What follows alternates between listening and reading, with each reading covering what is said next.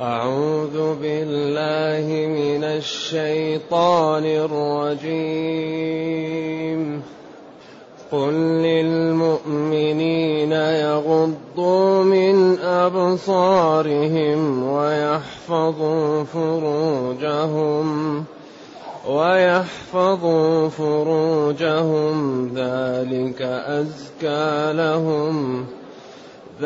ذلك أزكى لهم إن الله خبير إن الله خبير بما يصنعون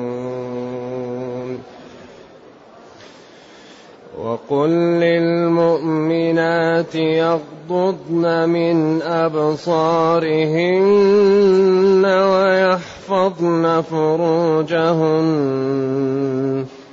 ويحفظن فروجهن ولا يبدين زينتهن إلا ما ظهر منها وليضربن بخمرهن على جيوبهن ولا يبدين زينتهن. ولا يبدين زينتهن إلا لبعولتهن. ولا يبدين زينتهن إلا لبعولتهن أو آبائهن أو آباء بعولتهن أو أبنائهن أبناء بعولتهن أو أبناء بعولتهن أو إخوانهن أو بني إخوانهن أو بني إخوانهن أو بني أخواتهن أو نسائهن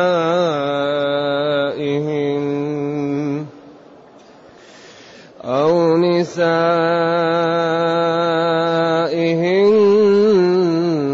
أو ما ملكت أيمانهن التابعين غير أولي الإربة أو التابعين غير أولي الإربة من الرجال أو الطفل الذين لم يظهروا على عورات النساء ولا يضربن بأرجلهن ليعلم ما يخفين من زينتهن. وتوبوا إلى الله جميعا. وتوبوا إلى الله جميعا أيها المؤمنون. وتوبوا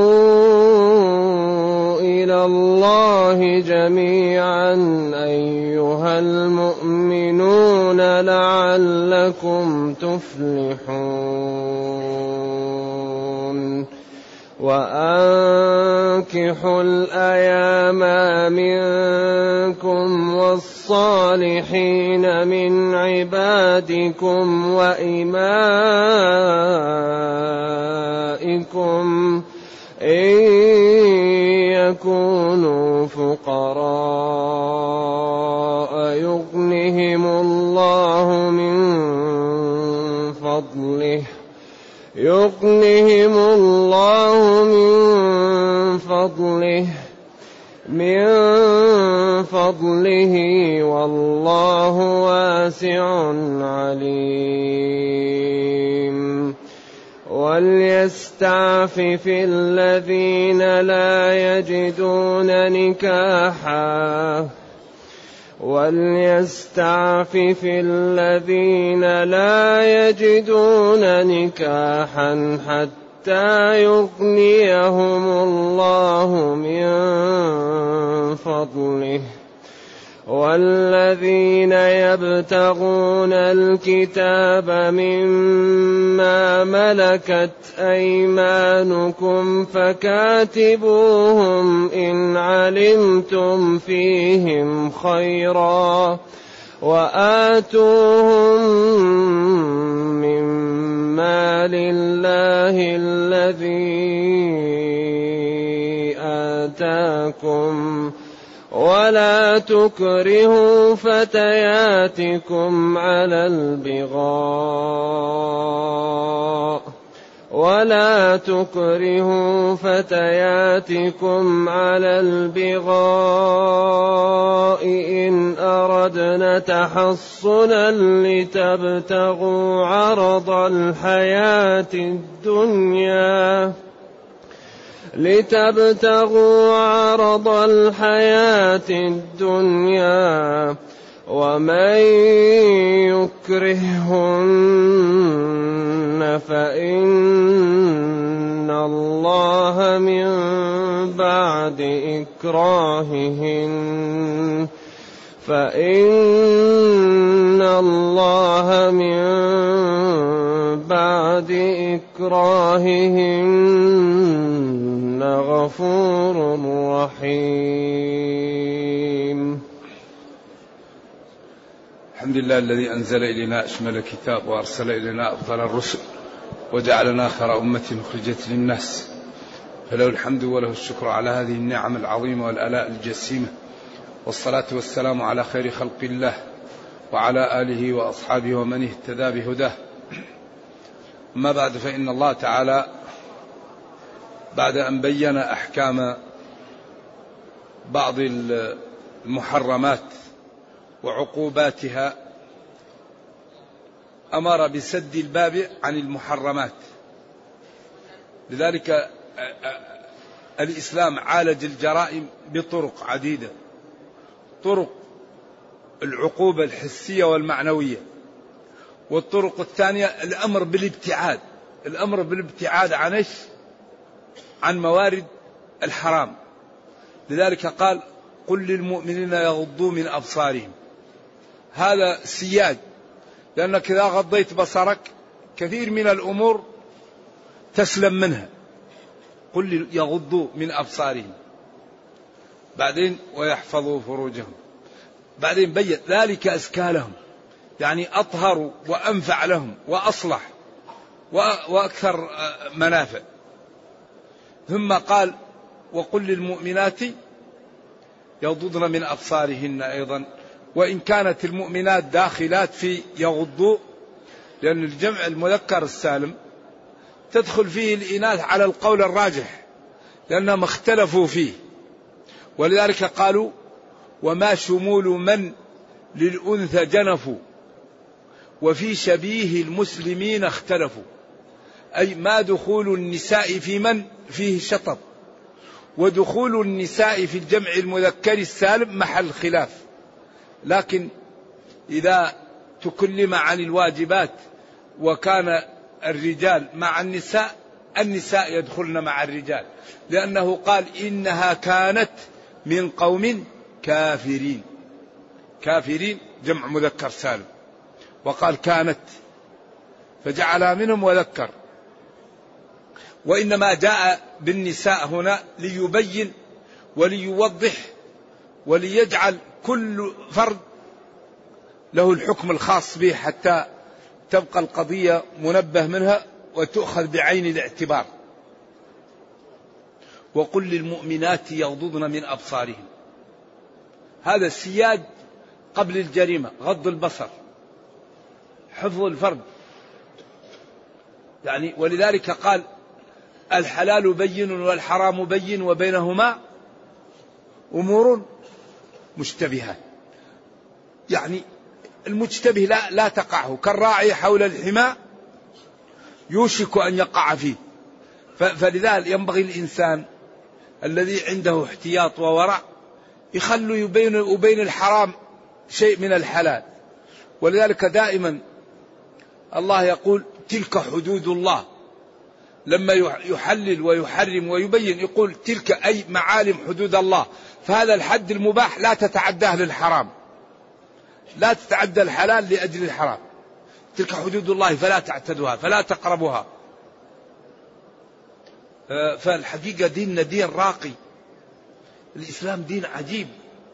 إذا قال وقل للمؤمنات يغضضن من أبصارهن. يغضضن. الغض هو يعني أن تأخذ جفنيك وتغطيهم حتى لا ترى. غض طرفك ولذلك قالت فغض الطرف إنك من نمير فلا كعبا بلغت ولا كلابا. غض الطرف يعني. فقال من أبصارهم على أن من يمكن للتبعيض. بعض البصر لا تغض بصرك كله حتى لا تقع في حفرة أو تضربك سيارة أو جدار. لكن غض بعضه. إذا نظرت لا تنظر. يعني خلي عندك إيش؟ نوع من الأدب. ولذلك من الأدب أن الإنسان إذا دخل بيت غيره لا يبدأ ينظر لا يغض طرفه. ما ليس هذا من المروءة. وليس من المروءة أن تنظر في الناس هكذا. ويحفظوا فروجهم. ما قال ويحفظوا من فروجهم. لا الفرج يحفظ. فلا يكشف ولا يرسل إلا على الزوجة أو الأمة. لا يجوز للمسلم أن يرسل فرجه إلا على زوجه الطاهر.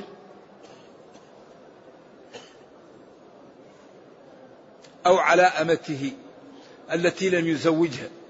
فإذا زوجها لا يجوز له أن يقربها حتى يتركها زوجها ويستبرئها بحيضة. ذلك أزكى لهم أطهر لهم. إن الله خبير بالذي تصنعه أو بصنعكم.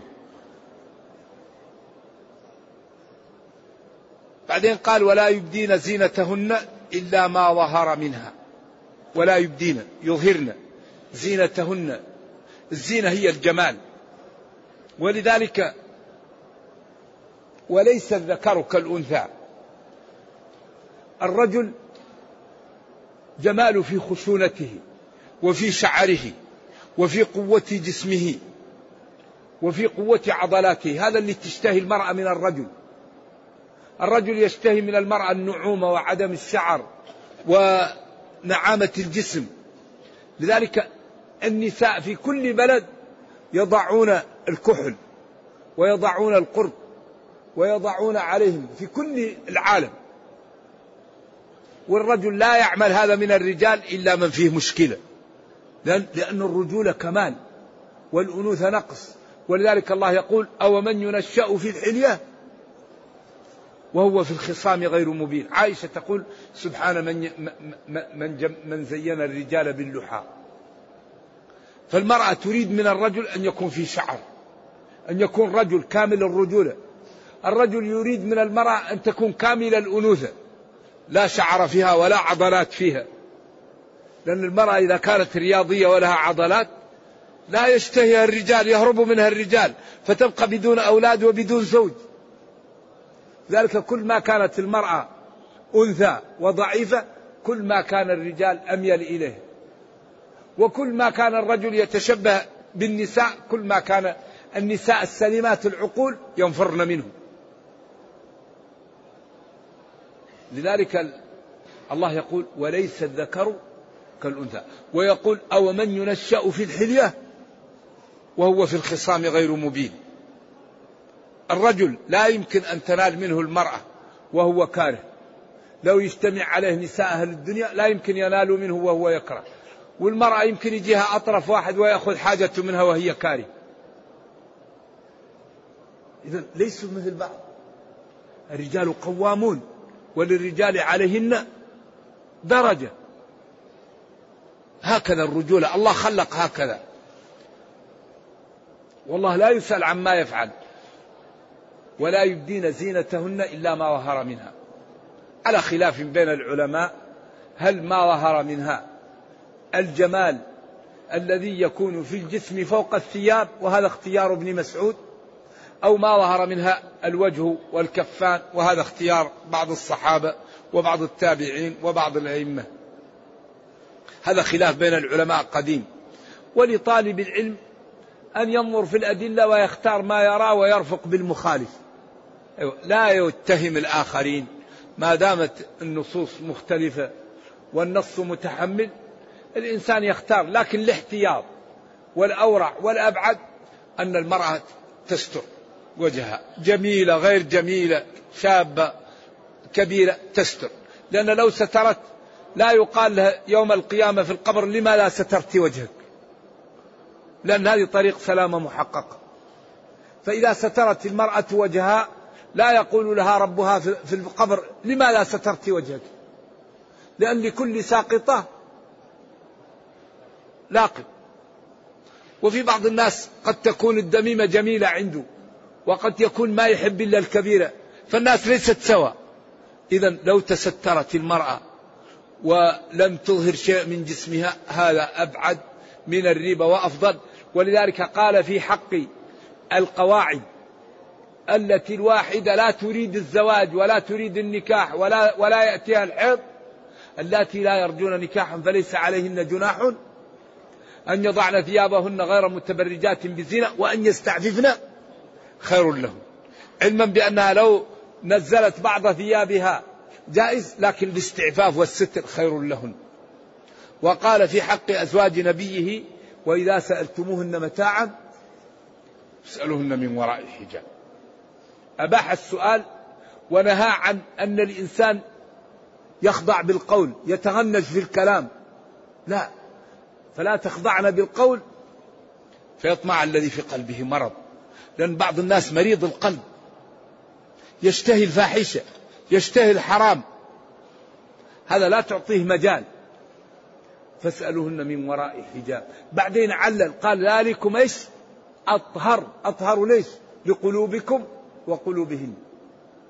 وبعدين قال لقد كان لكم في رسول الله أسوة حسنة. إذا بهذه الآية نقول المسلمات يسترن وجوههن وبعدين بعض غير المسلمين إذا رأوا المسلمة متحجبة ينزعج.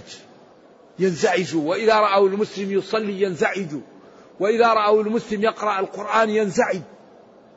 ليش؟ لأن هؤلاء الشياطين يخافون من الدين.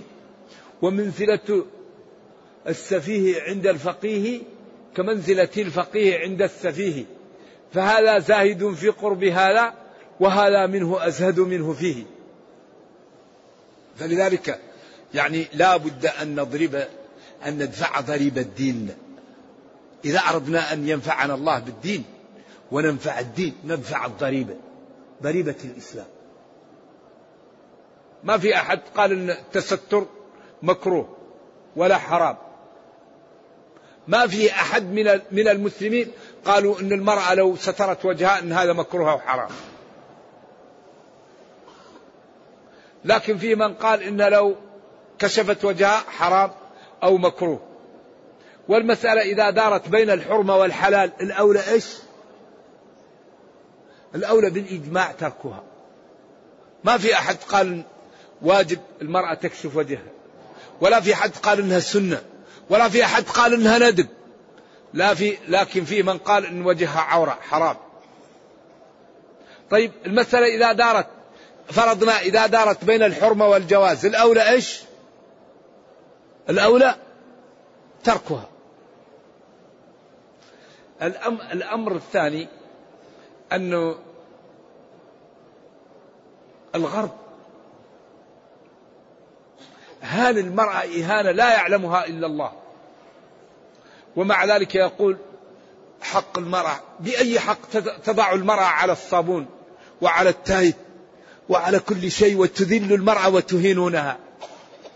تجعلونها تبيع البضائع بها وتجعلها سلعة. في إهانة أكبر من هذا؟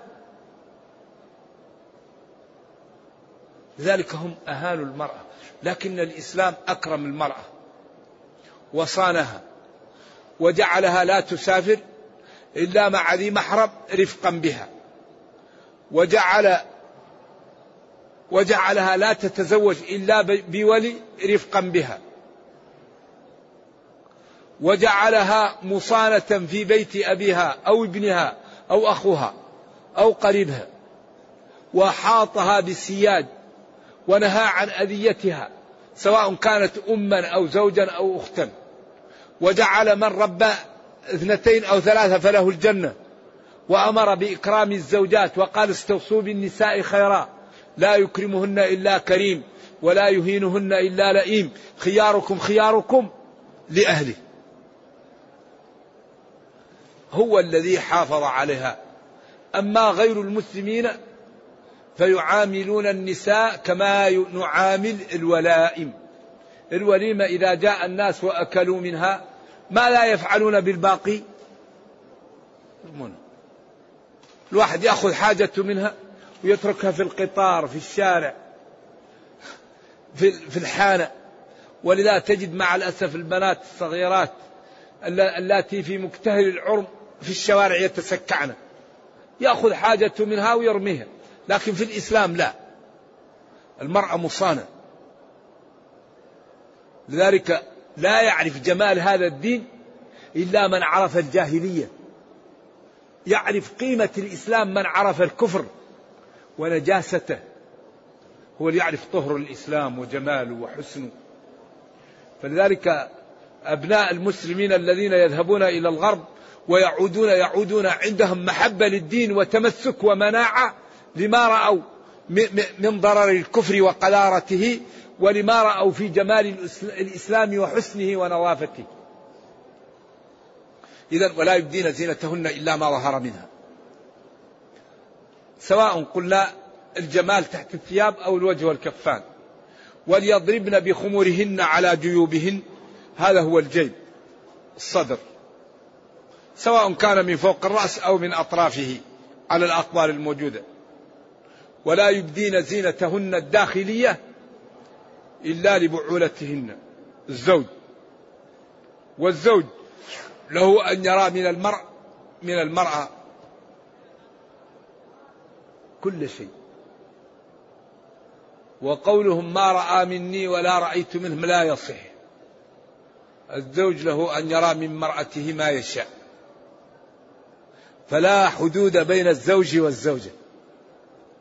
فيما بينهم. إلا في طبعا لا يأتي إلا المحل المأذون فيه. نساؤكم إيش؟ حرث لكم. فأتوا حرثكم. أن شئتم إذا كان في محل الحرث. أما الذي يأتي أهله في دبرها ملعون. والآثار اللي وردت عن ابن عمر وعن وذكرها الشوكاني هذا لا يصح أبدا. وإن صح فهو منسوخ بالأحاديث الصحيحة الصريحة. ملعون من أتى أهله في دبرها. لا يجوز هذا. وهذا محل إجماع أنه لا يجوز. نعم. لأنه قال نساؤكم حرث لكم. فيأتي الرجل محل الحرث. والدبر محل نجس ليس محل حرث. فلا يجوز إتيانه ولا ولا ينبغي وهو محرم بالإجماع. ومحل قدر وخساسة عياذا بالله. إلا لبعولتهن أو آبائهن. أبو المرأة وهو من له؟ أبوها وجدها وجد جدها كله يسمى الأب. أو آباء بعولتهن. أو ولد الزوج. وهنا طبعا يحرم من الرضاع ما يحرم من النسل نعم. أو أبنائهن. أو أبناء بعولتهن أيضا أبو الزوج وابن الزوج هذا محرم على خلاف بين العلماء أن الذي يظهر للإبن وللأب أكثر مما يظهر ل... ل... لأب الزوج وابن الزوج. لكن يجوز أن تكشف رأسها عنده ويجوز أن يظهر يديها ووجهها وأطراف اليدين. هذا جائز. أما الصدر والعنق بعض العلماء يقول هذا يراه الأب والإبن والزوج. والزوج كما ذكرنا لا حدود لما يرى من زوجه لأنه قال هن لباس لكم وأنتم لباس لهن. نعم. أو آبائهن أو آباء بعولتهن أو أبنائهن أو أبناء بعولتهن أو إخوانهن أو بني إخوانهن أو بني أخواتهن. كل هؤلاء الأقارب قال العلماء لم يذكر الأعمام ولا الأخوال لأن أولاد الأعمام والأخوال غير محارم. فهنا ما ذكرهم. ولكن جائز أن يروا لأنه لأنهم محارم باتفاق. أو نسائهم أو نسائهن أي المسلمات. أما الحرة المسلمة فلا تظهر للكافرة شيء من الزنا الداخلية فالكافرة مثل الأجنبي لا ترى شيء من المرأة إلا إذا كانت أملها. نعم. أو ما ملكت أيمانهن من الإيماء أو التابعين الذين لا يشتهون النساء لا حظ لهم في النساء ولا يعرفون الجماع إما لضعف في العقل أو لصغر السن أو التابعين غير أولي الإربة من الرجال أو الطفل.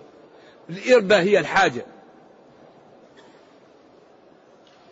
يعني لا حاجة لهؤلاء في النساء لضعف عقلهن أو لصغرهن.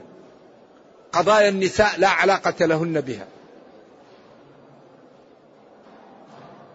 ولا يضربن بأرجلهن ليعلم ما يخفين من زينتهن المرأة إذا كانت عندها زينة تخفيها لا تتعمل حركة حتى يصوت هذا الحلي لأن ذلك قد يحرك شهوة الرجل.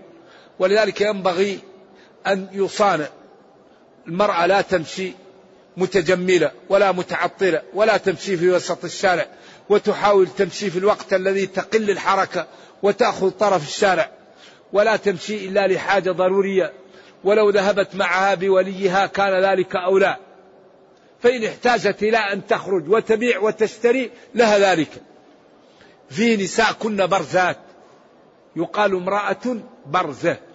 يعني تخدم انفسها تبيع وتشتري لكن لا تختلي بالرجال ولا تلبس لباس جميل ولا تتجمل ولا تتعطر ولا تختل بالرجال. أما إذا احتاجت لأن تبيع وتشتري لها ذلك. وتخرج لحاجتها ولها أن تخرج للسوق لأن تقضي حاجتها. لكن الأولى أن لا تذهب إلا مع محرم ولا تذهب في الليل ولا تختلي بالرجال ولا تلبس لباس جميل مزركش ولا متعطرة حتى لا تلفت أنظار الناس لها وحتى لا تقع في مشكلة أو لأن الإنسان ضعيف والله تعالى جعل النساء والرجال بينهم إيش؟ بينهم ميول طبيعي لبقاء الكون. ولذلك ثلاثة أمور هي اللي بها البقاء محببة للنفوس الشرب والأكل والجنس. لأن هؤلاء لا يبقى الكون إلا بهم. واحد تجده الله جعل فيه شهوة الأكل لأنه إذا لم يأكل يموت. الشرب إذا لم يشرب يموت. لذلك تجده يستيقظ في الليل ليأكل ليشرب. هذا كذلك قضية الجنس لأنه إذا لم يكن بينهم الألفة ولم يكن هذه في النفوس انتهى الكون. لذلك هذا تدبير من الله. تدبير. وتوبوا إلى الله جميعا. أيها المؤمنون لعلكم تفلحون. مع هذه الأوامر وهذه النواهي فالله خلق الإنسان ضعيف ولا يتمالك. فلا بد أن يكون بعض التقصير. فاكثروا من التوبة. هذه الأوامر لا بد أن يقصر في بعضها. وهذه النواهي لا بد أن ينتهك بعضها. فتوبوا إلى الله. أكثروا من التوبة. لأن التوبة تجب ما قبلها.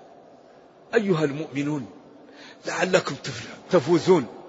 تدخلون الجنة وتأمنون من النار. ثم فتح باب للعفة وللغنى. باب العفة والمتعة والغنى. وأنكحوا الأيام. منكم. أنكحوا الأيام. النكاح يقال للتزويج. ويقال للوطن. وأكثر ما يأتي في, أسلوب الشرع للتزويج. والأيام جمع أيم والأيم هو الذي لا زوج له من الرجال والتي لا زوج لها من النساء. زيد أيم وهند أيم. فكل من لا زوج له يقال له أيم سواء كان رجلا أو امرأة. إذا أنكحوا هنا هذا الواو للرجال والنساء. الأيام جمع أيم من الرجال والنساء.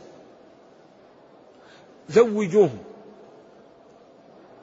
وهذا الأمر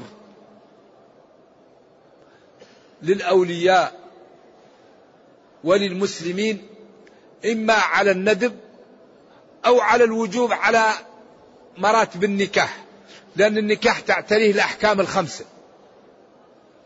وقال ابن رشد أنه إذا تجرد من القرائن مباح لقوله تعالى فإن خفتم أن لا تعدلوا فواحدة إيش؟ أو ما ملكت أيمانكم والاقتصار على ملك اليمين مباح فلما أباح الاقتصار على ملك اليمين دل ذلك على أن نصر النكاح الإباحة.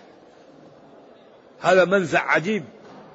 أما الفقهاء يقولوا النكاح تعتريه الأحكام الخمسة. يجب لمن تحقق العنت الذي علم أنه إذا لم يتزوج يقع في الفاحشة حقق ذلك يجب عليه أن يتزوج. الذي يعلم أنه لا يستطيع أن يقوم بحق الزوجة لعجزه ولسوء خلقه وأنه عاجز بكل معاني الكلمة عن الزواج لا يجوز له التزويج لأنه يأذي المسلمة والذي عنده الشهوة وعنده الباء ويأمن يكون سنة مؤكدة له. بقوله فمن رغب عن سنتي وهكذا تعتري أحكام الخمسة. حسب الأشخاص وحسب ما يحوط بالإنسان. إذا زوجوا من لا زوج له من الرجال والنساء. وزوجوا الصالحين من عبادكم وإمائكم. يعني العبيد والإماء. الصالحين منهم زوجوهم. ثم وعد الجميع إن يكونوا فقراء. يغنيهم الله من فضله. ورد عن عمر قال عجبت لرجل فقير لا يلتمس الغنى بالزواج. الله قال إن يكونوا فقراء يغنيهم الله من فضله. هؤلاء يحاولوا يحددوا النسل وأكبر سبب للرزق كثرة البشر. كل ما زاد البشر كل ما زاد الرزق. لأن الله يقول وما من دابة في الأرض إلا على الله رزقها. فكل ما زاد البشر كل ما زاد الرزق. لأنه هو اللي يرزق. ذلك الذي يقول أنا لا أتزوج خوف من الأولاد أو يمتنع من أن يأتوه أولاد خوف الرزق. هذا جاهل. جهل كل ما زادت الناس كل ما زاد الرزق. كل ما قل الناس كل ما قل الرزق. لذلك تجد أيام أيام المواسم شوف تجد الأرزاق تزيد. كل شيء يزيد. لأن الله هو الرزاق. هو اللي يدبر الأمر. والله واسع. واسع العطاء. واسع المقدرة. عليم بكل شيء فيعطيه كل واحد ما يحتاج إليه. بعدين قال وليستعفف الذين لا يجدون نكاح استعفف يطلب العفة. الذين لا يجدون قول ما عندهم مال. يغض بصره. يشتغل بالعبادة. يشتغل بالصوم. يشتغل بالاعتكاف. يشتغل بالعمل. لأنه يعني نبينا صلى الله عليه وسلم يقول ما رأيت من ناقصات عقل ودين أذهب بلب الرجل الحازم من إحداكن. أذهب بلب الرجل الحازم من إحداكن. والله لا يخلون رجل بامرأة إلا وكان الشيطان ثالثهما إياكم والدخول على النساء. إياكم. تحذير. قالوا يا رسول الله رأيت الحمو. قال الحموا الموت. الحموا هنا المقصود به قريب الزوج الذي ليس بمحرم. قال ابن حجر الموت لأنه إما أن يرى ما لا يسره فيطلقها فتموت موتا حسيا تبقى بدون زوج وبدون عائل فهذا موت معنوي. أو تقع في الفاحشة فترجم فهذا موت حقيقي. فالحمو يأتي بالموت.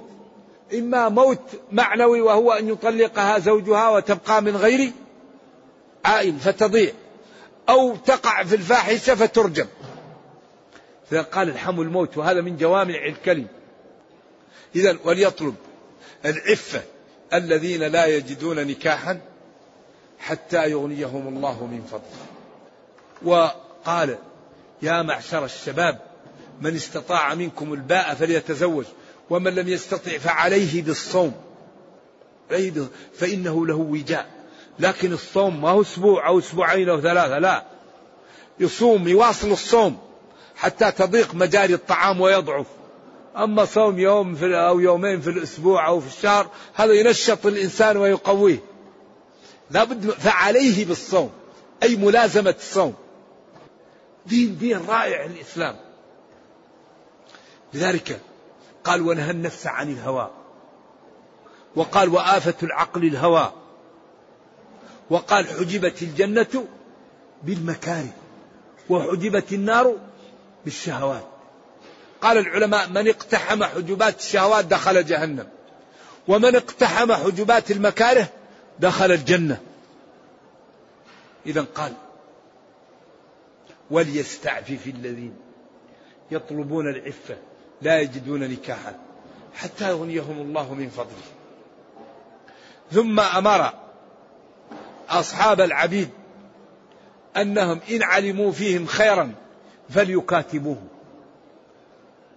والذين يبتغون الكتاب مما ملكت ايمانكم فكاتبوهم. قالت جماعة الأمر للوجوب وقالت جماعة الأمر للندب وهو دائر بين الندب والوجوب.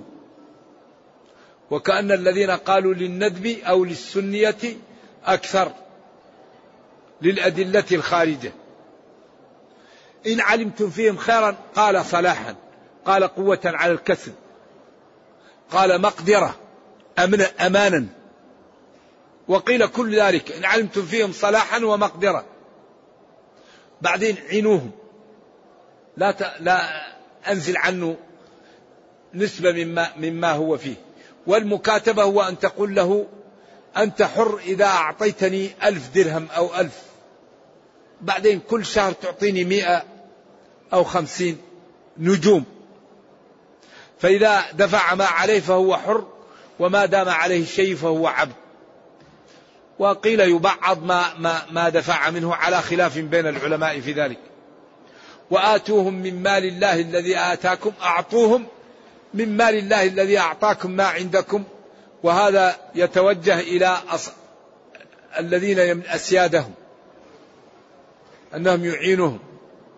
بعدين قال ولا تكرهوا فتياتكم على البغاء وهذه الآيات نزلت في عبد الله بن أبي كانت له جواري وكان يغرمهن على الزنا ليلدن له وليأخذ المال وكن يكرهن ذلك فنهي عن ذلك قال ولا تكرهوا فتياتكم أي عبيدكم على البغاء على الزنا إن أردنا تحصنا إن أردنا تعففا بالزواج أو بترك ذلك لتبتغوا عرض لتأخذوا يأتيكم بولد أو تأخذوا دراهم من ذلك.